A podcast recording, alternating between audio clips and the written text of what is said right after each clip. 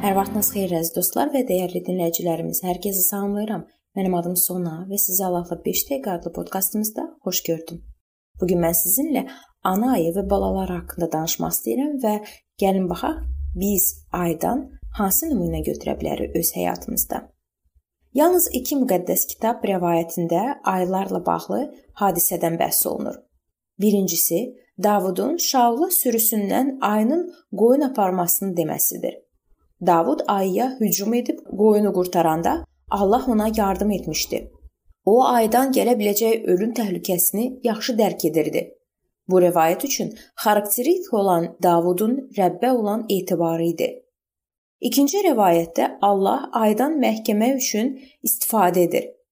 Yelisey peyğəmbəri ona gülən uşaqlar əhatəyə alır. O dönərək onlara Allah adından lənət oxudu. Meşədən 2 dişi ayı çıxdı və onlar 42 uşağı parçaladılar. Allah aydın şəkildə deyir: "Heç kəsə gülmə." Kəlamda təsvir edilən ayı çox ola bilsin ki, Avrasiya qonur ayısıdır.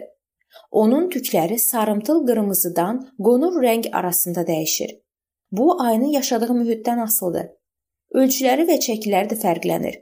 Məsələn, Suriya ayıları adlanan heyvanın çəkisi 140-230 arası kiloqrama çatır. Əsasən ayılar ağır çəkili, qısa quyruqlu və ətrafları əzələli olur. Onlar yastı dabandılar. Hər pəncəsində 5 ədəd güclü caynağı olur. Pəncə ayının əsas silahıdır. Onların qabaq pəncəsi o qədər güclüdür ki, öküzün boynunu bir zərbə ilə qıra bilərlər. Aylar hər şeyi yeyirlər. Bu onların dişlərindən də görünür.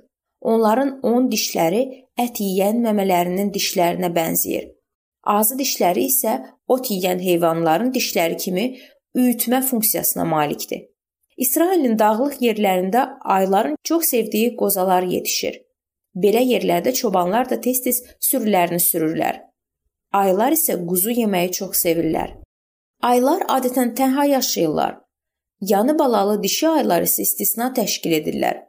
Ana ayı balalarını tək böyüdür. Onlar az qala 2 il müddətində anaların yanında qalırlar.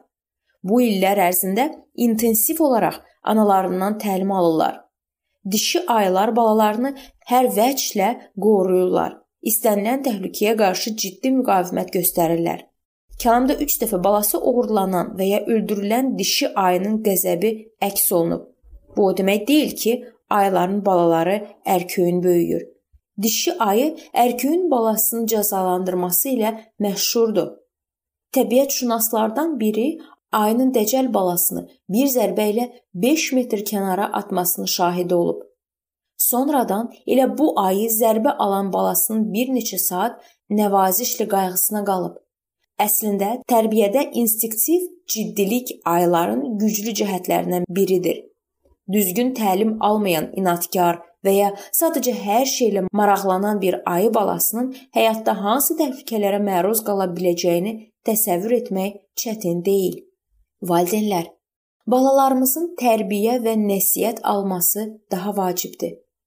Özümüzü bu işə sərf edib qurban gətirməyə hazırıqmı? Həyatımızı övladlarımızla paylaşırıqmı və onlara həyatları bizimlə bölüşməyə imkan yaradırıqmı? Əgər yaradırıqsa, bu cür möhkəm münasibətlərə görə düzəliş daha təsirli olur. Kiçik problemlər olanda onlara nəsihət veririkmi? Onlara lazımi nəsihəti vaxtında veririkmi? Onlara hətta rişxənd edən kütlənin ortasında qalsalar da, həqiqəti müdafiə etməyə kömək edəcək müqəddəs kitab prinsiplərini təlqin edirikmi? Yadda saxlamalıyıq ki, nizam intizamda ardıcıllıq daha çox fayda gətirir, nəinki ciddilik. Bununla belə müqəddəs kitab açıq-aydın göstərir ki, müdriklik əldə etmək üçün həm dəyənək, həm də nəsihət lazımdır. Allahın lütfü ilə gəlin övladlarımızı əbədiyyət amalında tərbiyə edək.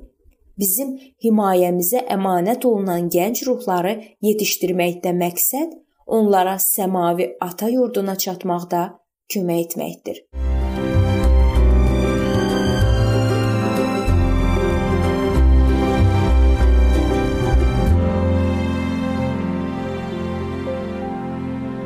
Beləliklə bu çox maraqlı mövzu burada sona çatdı. Hər zaman olduğu kimi sizi dəvət edirəm ki, bizim podkastlarımızı Facebook səhifəmizdən və YouTube kanalından dinləməyə davam eləyəsiniz. İndi isə mən sizinlə sağollaşıram və növbəti görüşlərdə görmək ümidi ilə sağ olun, salamat qalın.